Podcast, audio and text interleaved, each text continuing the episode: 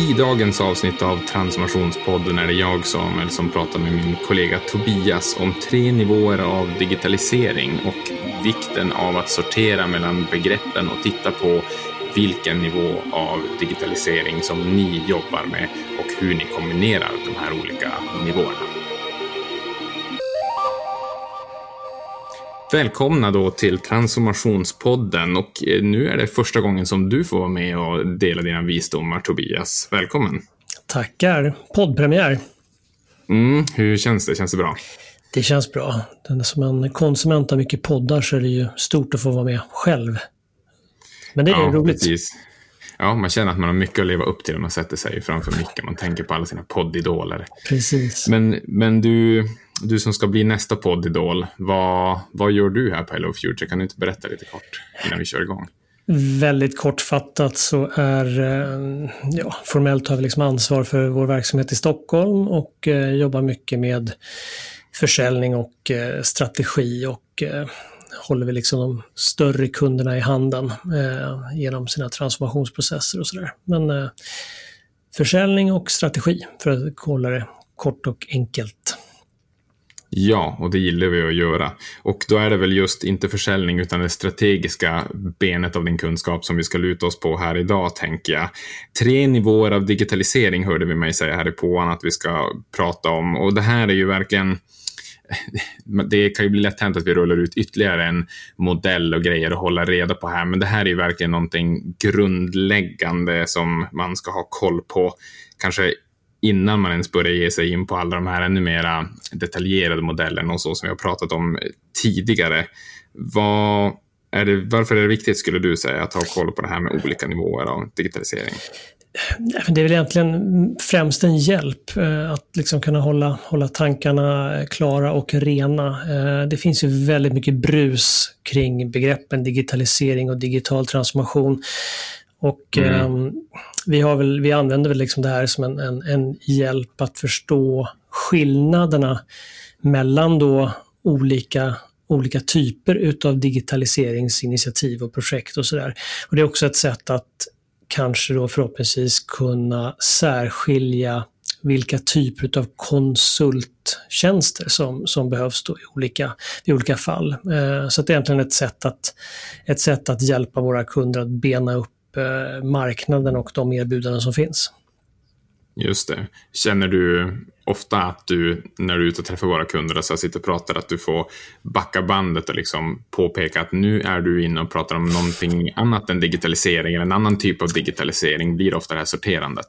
Ja, men det, det kan, väl, kan väl lätt bli det. Och jag menar, det, det här är ju en det här är ju en väldigt snabbrörlig begreppsvärld. Eh, bara så rolig, rolig reflektion är att för tre år sedan snart så var vi ute och intervjuade lite små och medelstora företag om det här med digitalisering på uppdraget mm. av Tillväxtverket. Och då, för tre år sedan, var det ingen av de här företagen som hade hört begreppet digital transformation.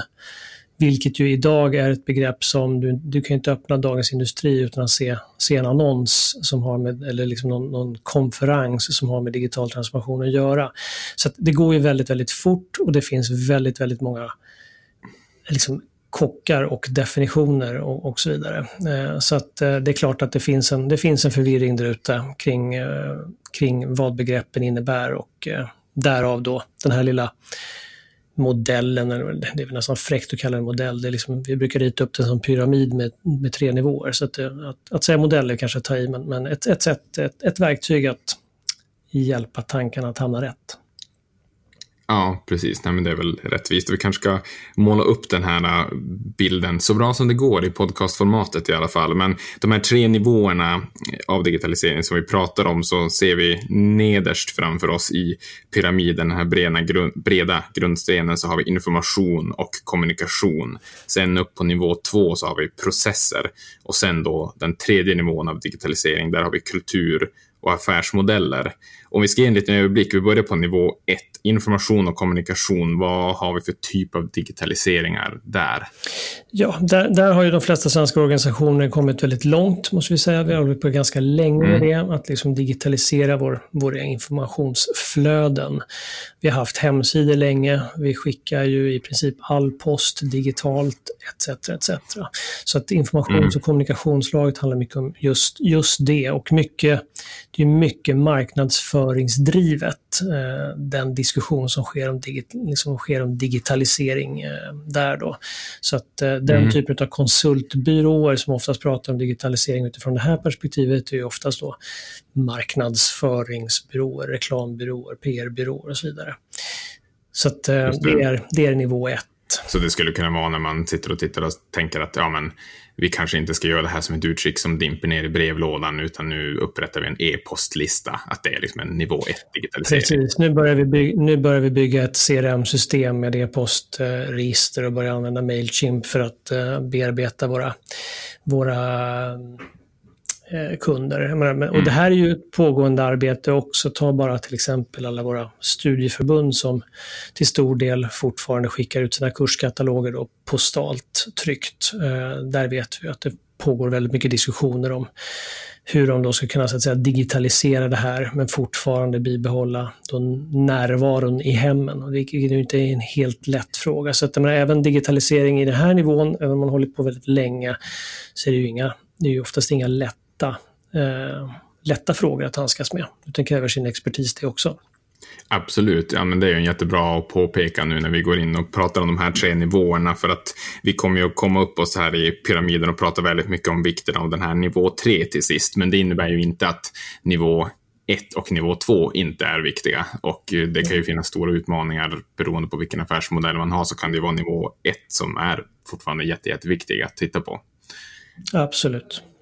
Eh, och hoppar vi upp då, nivå två med processerna. Vad menar vi med den? Vad är det för typ av digitalisering vi pratar om där? Ja, här menar vi ju det jag skulle tro ändå de flesta tänker på när man pratar digitalisering och det är just alltså hur man tittar på sina befintliga processer och sen så kartlägger man dem och ser hur man ska kunna stoppa in mjukvara i de här processerna då för att göra dem mer effektiva och optimera, optimera dem helt enkelt. Mm. och det kan ju vara allt ifrån lönehantering till eh, liksom en, en, en, leveransprocess eller en beställningsprocess eller en köpprocess. Eh, men det handlar ju mycket om, om just befintliga processer och hur de kan göras egentligen då ekonomiskt mer effektiva. Det är oftast det man tittar på så att säga utifrån någon sorts besparingsperspektiv. Eh, och här, om man då ska gå tillbaka till konsultbyråerna, så är det här väldigt mycket liksom det vi kallar klassisk IT-konsulting, eh, där man då ofta har ett eh, system som man då vill, vill sälja eller att man då tittar, tittar generellt på på processen och försöker då hjälpa att genom att då ta fram mjukvara så ska man då göra den processen mer effektiv. Just det. Ja, det känns ju verkligen som att väldigt mycket av digitalisering uppehåller sig just på det lagret. Men det som jag vet att du då förespråkar väldigt hårt är ju att eh, även börja kliva upp till den här nivå 3 kultur och affärsmodeller. Så om vi ska ställa den då jämte den här processnivån, vad handlar den om? Ja, här handlar det om att jobba, jobba mer utforskande och egentligen då så att säga snarare utgå ifrån var tekniken är och vad som tekniskt sett är möjligt idag. Och inte minst var beteendena och förväntningarna hos då kunderna eller medborgarna eller vad man nu har för, för målgrupp, var de befinner sig och utgå ifrån det på ett utforskande sätt snarare än sina befintliga processer. Just det.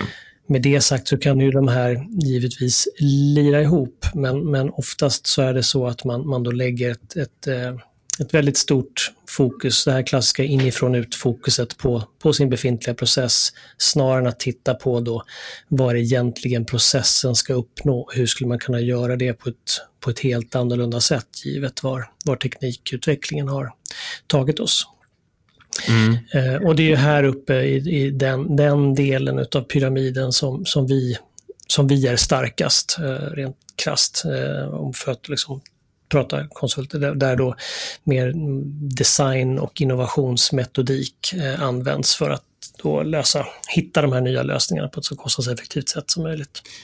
Känns det, är det rättvist att beskriva det som om man tänker lite i den Eh, i den kronologiska ordning som digitaliseringen har skett och tekniken har utvecklats och så, så känns det som att det första som hände när datorerna började komma, internet blev någonting man hade koll på, då började ju det här med nivå 1 direkt, alltså överföring av information och kommunikation.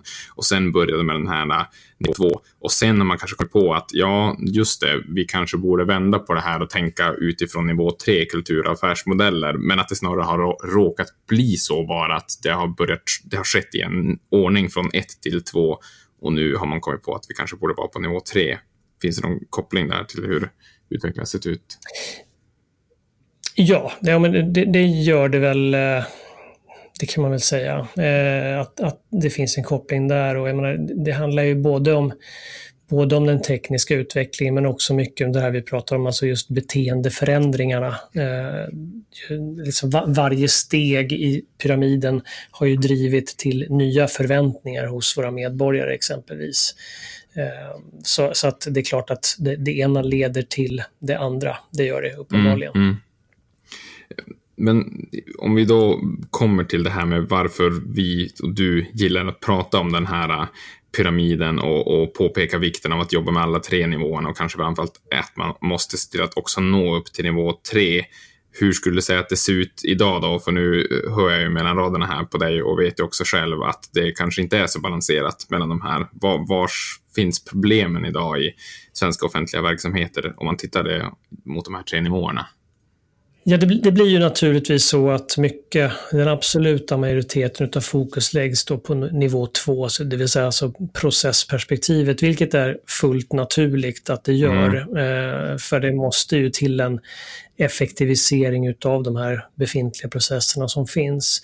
Problemet som vi ser är väl att det kanske alla, alla ägg läggs i den korgen eh, och också givet att offentlig sektor har lagt väldigt, väldigt mycket fokus på just lean-metodiken, det vill säga alltså processkartläggning och se över, standardisera sina processer.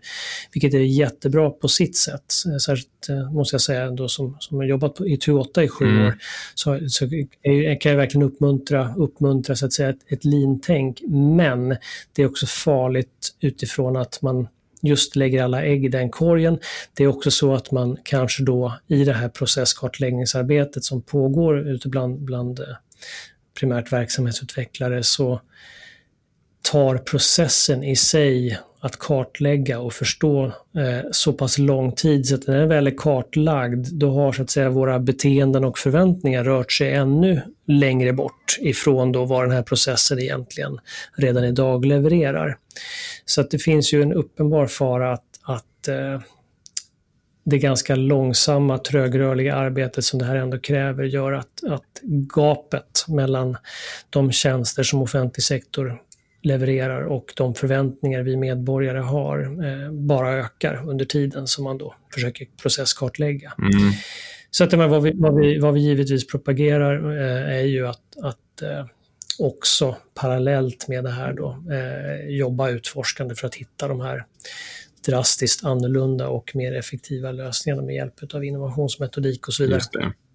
Att våga jobba lite utforskande. Men det är givetvis också då väldigt, väldigt svårt. för Det är ju okänt territorium, det finns inget sätt att förutsäga exakt vad som, eh, vad som kommer komma ut ur den, process, den typen av process, vilket ju då blir en så att säga, litet moment 22, när samtidigt förutsägbarhet är någonting som verkligen alltid premieras. Just det. Mm.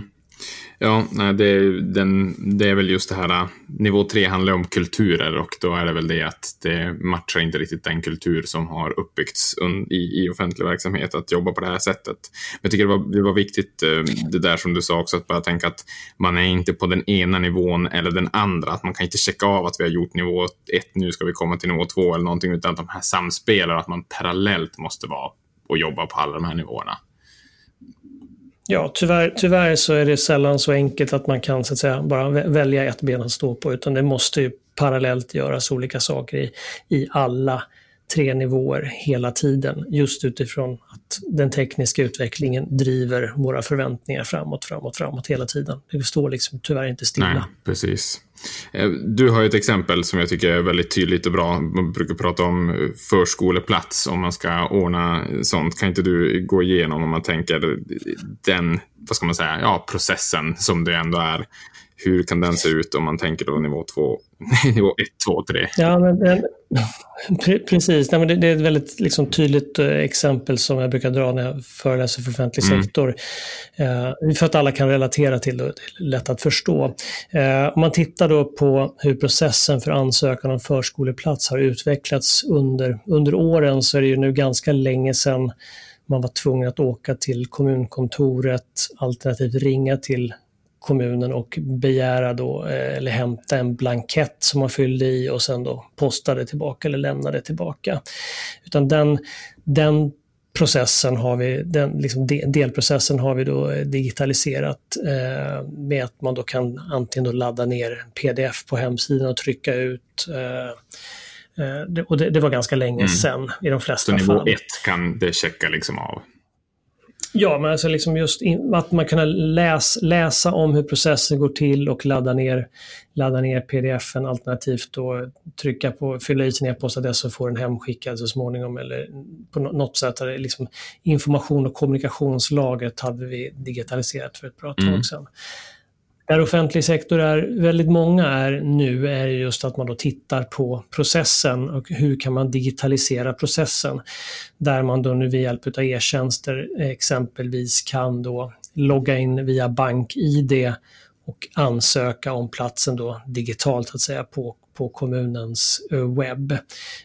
Um, så att man slipper då det här skickandet fram och tillbaka mm. eh, utav olika blanketter och så vidare. Utan man loggar in med BankID och då, då, finns en del data som följer med det och så vidare. Så att den, man behöver inte fylla i alla fält etc. etc. Just det. Eh, och det är, ju, det är ju jättebra i sig, men om man, om man lyfter blicken och tittar på vad så att säga om man tittar då på det här nivå 3, eh, affärsmodeller och kulturperspektivet, om man tittar utan att liksom, om man för ett, en stund glömmer bort bagaget man har med sig med det system man har, så är det ju så att kommunen vet ju vem jag är och kommunen vet var jag bor. Eh, kommunen vet var det finns förskoleplatser.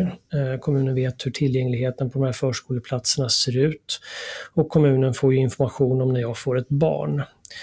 Mm. Så i min, i min drömvärld, om man liksom eh, utgick ifrån vad, vad, jag som medborgare verkligen skulle vilja ha, så vore det väl fantastiskt om, om när jag väl har fått mitt, uh, mitt barn, min förstfödde Karl har, har mm. fötts, då kanske jag får ett, ett meddelande från kommunen där då kommunen ber mig bara ange hur länge jag planerar, hur länge jag och min partner planerar att vara föräldralediga. Vi säger att eh, jag anger då 18 månader. Då vet kommunen det att om 18 månader så kommer då Tobias och hans partner att vilja, vilja ha en förskoleplats åt Karl. När det är ett antal månader kvar, då tittar kommunen på Eh, då har man ju data på liksom var de här förskoleplatserna finns och när de kommer finnas tillgängliga. Och då hör kommunen proaktivt av sig till mig och säger Tobias, vi har förberett en plats för Karl här i förskolan eh, Bofinken. Eh, kryssa, kryssa bara i här om eh, du vill ha den platsen.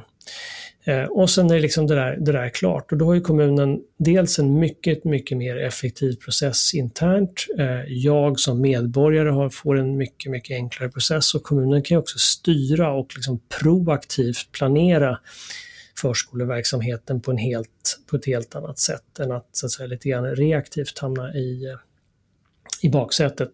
Ja, eh, och det här, det här är liksom tekniskt sett, om man bortser då från GDPR, eh, eventuell GDPR-problematik och så här, så är det liksom tekniskt sett fullt möjligt. Och det är lite grann det här vi menar att man bör, bör utforskande titta på. Eh, att, att arbeta aktivt med, med då på nivå, nivå 3 så att säga, att glömma bort de här befintliga processerna man har, utan titta på hur kan vi, hur kan vi på ett väldigt, på ett, eh, på ett eh, avancerat sätt, på ett, ett, verkligen liksom hitta på nya radikala lösningar på, på de processer mm. vi har, givet var den tekniska utvecklingen är och givet var, vad kommun, eller kommunens medborgare förväntar sig. Mm. Eller kunder. Så det här, äh, i och med att det handlar om kultur och affärsmodeller, pratar om nivå tre, så det låter lite på dig då som att det här kulturella skiftet som ska till kanske är lite det här att gå från att reaktivt göra och säga att okej, okay, här har det kommit en teknik, nu digitaliserar vi oss med den, men vi är fortfarande kvar i samma perspektiv och så att skiftet är från att gå från att vara reaktiv och agera utifrån hur dåtiden har sett ut till att bli proaktiv och mera kreativ. Men vänta nu, här är alla byggstenar vi har. Hur kan vi bygga om det här helt utifrån kunden då? Ja, nej men det, det, är ju, det är ju till stor del ett, ett skifte i mindset och i kultur att, att våga, våga släppa så att säga, de gamla arbetssätten och proaktivt jobba mot att, att hitta helt nya, helt nya mm. lösningar. Uh, och, det, och, det, här handlar ju också om, om liksom allt ifrån hur, hur mäter vi saker, hur uh, följer vi upp saker mm. och så vidare. Och där sitter vi fast i ett i ett paradigm där så att säga, ja, jag brukar säga lite raljant att rädslan för att göra fel är oftast den största drivkraften, eh, vilket, ju, vilket ju inte gynnar så att säga, innovationsklimat på något sätt. Nej, verkligen inte. Men du pratade tidigare om att det är ju idag, där vi är nu, 2019, ganska stort fokus i offentliga verksamheter på den här nivå 2 och processerna. Är det rättvist att säga från din horisont att det kanske nästan så att det här stora fokuset på processlagret där man har investerat väldigt mycket resurser i att digitaliseras på den nivån. Det kanske nästan hindrar nivå tre då för att man känner att vi har investerat så mycket i att digitalisera en viss process som vi nu ska kliva upp på nivå tre och kanske utmana då. Ja.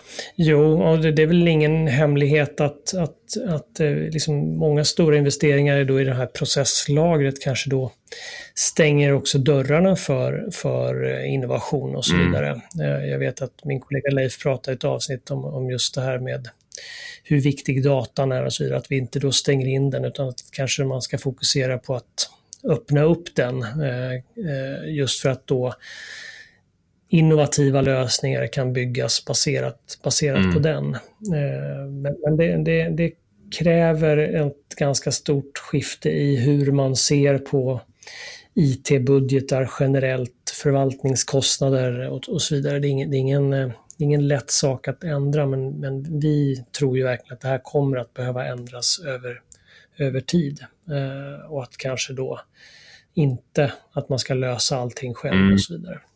Men, men, men med det sagt, låd, eller låda två, eller på att säga, nivå två är ju, är ju någonting som behöver göras mm. också parallellt. Men man bör ju, när man gör det, dels ha, försöka ha så mycket så att säga, användarfokus som möjligt när man tar fram de nya, de nya uppdaterade processerna och att använda tjänster, designmetodik och så vidare för att säkerställa att man verkligen löser sina medborgares eller användares behov. Mm. Uh, och att utgå ifrån det snarare än vad, vilka system som finns kanske på marknaden. Ja.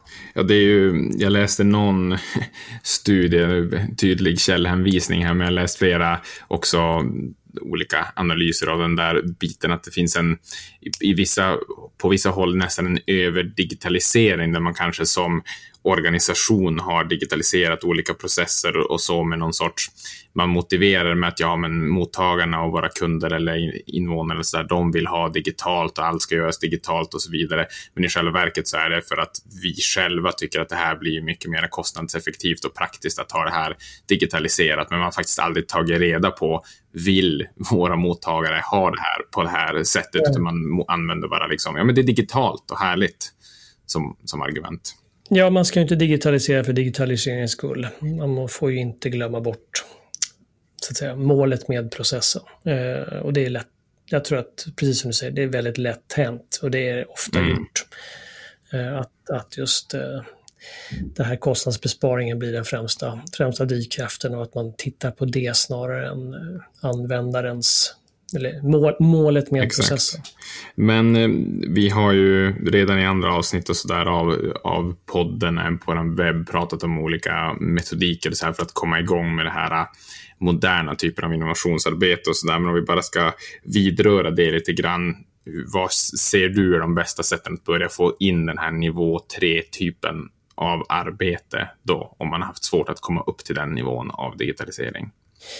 Jag tror att om man kan börja med att testa liksom användarcentrerad metodik, eh, att, att liksom verkligen sätta sig i,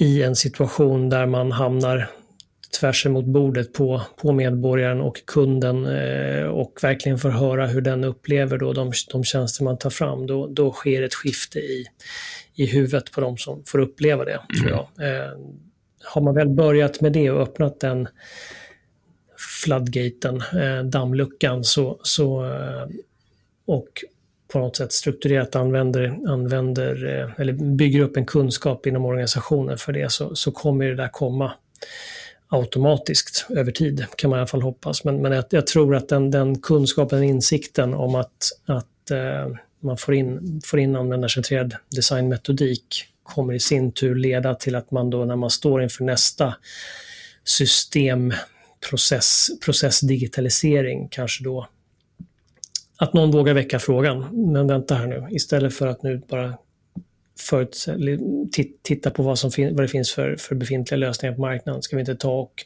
göra en, verkligen prata med våra användare innan vi lägger ner all den här tiden? Mm. Eh, och på det sättet då påbörja liksom den här typen av kulturförändring som det faktiskt, som det faktiskt ja. är. Tror... Att börja utgå ifrån, börja prata med, prata med medborgarna och utgå ifrån deras, eh, deras behov. Och det har vi många mm. exempel på när det funkar utmärkt. Ja nej, det kan krävas så lite för att skifta någons perspektiv för alltid på något sätt när man har börjat testa de här processerna. Ja, och sen det, det vi märk, verkligen märker är ju, är, ju, är ju hur våra kunder eh, nästan chockas utav så att säga, tempot som man ändå kan få till med hjälp av sån här typ av innovationsmetodik som innovationssprintar eller design sprints. Alltså tempot i beslutsfattande. Mm hur snabbt man ändå kan gå så att säga från en idé till en, en prototyp och testa den prototypen med sina medborgare och få svart på vitt några dagar senare vad, hur man så att säga bör, bör, ta det här vidare istället för att då, vilket är väldigt lätt hänt i stora organisationer, att det blir så att säga ja, långbänk i beslutsfattandet. Det finns ingen som riktigt vågar ta beslut. Man saknar alltid lite mer data, man saknar alltid lite, någon, någon som inte kunde vara med på mötet och så vidare. och så vidare. Eh, och det är apropå liksom kulturskiften, att då kunna få till den typen av hastighet som, som designmetod eller innovationsmetodik innebär. Det, det, det är också ett, ett sätt att eh, få upp ögonen för, för det magiska som finns där uppe i nivå 3 den typen av mm. digitalisering. Mm. Ja, och som du sa här tidigare i avsnittet att de här nivå 2-typerna av digitalisering tenderar att ta väldigt lång tid medan nivå 3 är förknippat mer med det här kontinuerliga. Vi gör lite grann för att börja skifta kulturen och så kanske det påverkar våra processer och informationen och kommunikationen på de nedre nivåerna. Och så vrider vi lite och gör ytterligare saker för att knuffa kulturen och utforska affärsmodellen. Att det är inga långbänkar där på samma sätt som att digitalisera en hel process och ta fram system som tar flera år. Och med det sagt, båda, båda världar behövs, men, men eh, vi tror ju att offentlig sektor behöver mer av det här snabbrörliga experimentandet. Det är, det är ett kontrollerat experiment experimentande. Mm. Eh, det är, det är inte, det vi, man hittar inte bara på, utan det är ju ett, ett sätt att snabbt prototypa, snabbt testa, löpande, löpande, löpande, tills man, tills man hamnat i en, liksom en, en lösning som man vet uppfyller de, de behov och förväntningar som finns. Exakt, nej. Ordet experiment kan ju föra med sig den här eh, labbrocken och hälla ner några kemikalier i ett rör och se vad som händer, men det är verkligen inte vad det, vad det handlar om när vi pratar om ordet experimentera här. Nej. Ja, nej men då tycker jag att våra, det låter som att lyssnarna har en ganska tydlig hemläxa att eh, sätta sig ner nu med den här pyramiden som man kanske redan har ritat upp mentalt eller på ett papper och börja fundera över var har vi våra olika digitaliseringar och jobbar vi på alla de här nivåerna och kanske framförallt då hur kan vi börja få in den här nivå tre förutsatt att man är som de flesta som du pratar om som kanske saknar digitaliseringsinitiativ just där uppe då i toppen av pyramiden. Ja, nej men precis. Det, det, det är, helheten är viktig eh, och det jag tror liksom att, att eh, alla organisationer mår bra utav är ju att få in den här lite mer användarcentrerade och lite mer snabbrörliga delen. Eh, för, att, för att kunna hänga med. För det går väldigt, väldigt Exakt. fort. Och poängen som du förde in där tidigare är också viktig att eh, repetera, tycker jag, att den typen av hjälp som man tar, oavsett om det är i form av verktyg, eller vilka utbildningar går vi, eller vilka konsulter eh, anlitar vi, att vilka är det som hjälper oss eh, att utveckla vår kunskap om nivå 1 och hur blir vi bättre på nivå 2 och på nivå tre? då, att det, bara för att någon, en bok handlar om digitalisering eller man går en kurs i digitalisering så har man inte förbättrats på alla nivåer, utan man behöver hjälp på alla tre olika nivåerna. Det är olika typer av hjälp man behöver. Precis. Mm. Fint. Ja, men det här gick väl bra, Tobias? Poddpremiär och allting. Ja, det är väl upp till lyssnarna. Så att, äh, återkom gärna med feedback. Det vore jättekul att höra. Ris och ros. Och ännu mer, precis, verkligen, vad kan vi göra bättre? Precis, vi vill utveckla den. Rosa oss själva, det kan vi göra, men, men eh, att få utifrån perspektivet och er lyssnares röst på och följdfrågor mm. såklart. Det här tyckte vi var bra, det här tyckte vi var dåligt. Vad, vad kan vi ha? Mm. Mer sånt. Och nu är ju du en eh, etablerad eh, tänkare här om tre nivåer av digitalisering. Hur ska man nå dig om man har en direkt fråga om eh, den här, just det vi pratar om i det här avsnittet? Ja, det är Tobias som det låter, at helloffuture.se eller via vår webb. Där finns väl även mina kollegor. Men det är bara att ni hör av er. Fint, fint. Då tackar jag dig Tobias. Tack Samuel. Och eh, tack till eh, alla som har lyssnat och eh, på återhörande nästa gång i mer av Transformationspodden. Ha det bra. Hej då.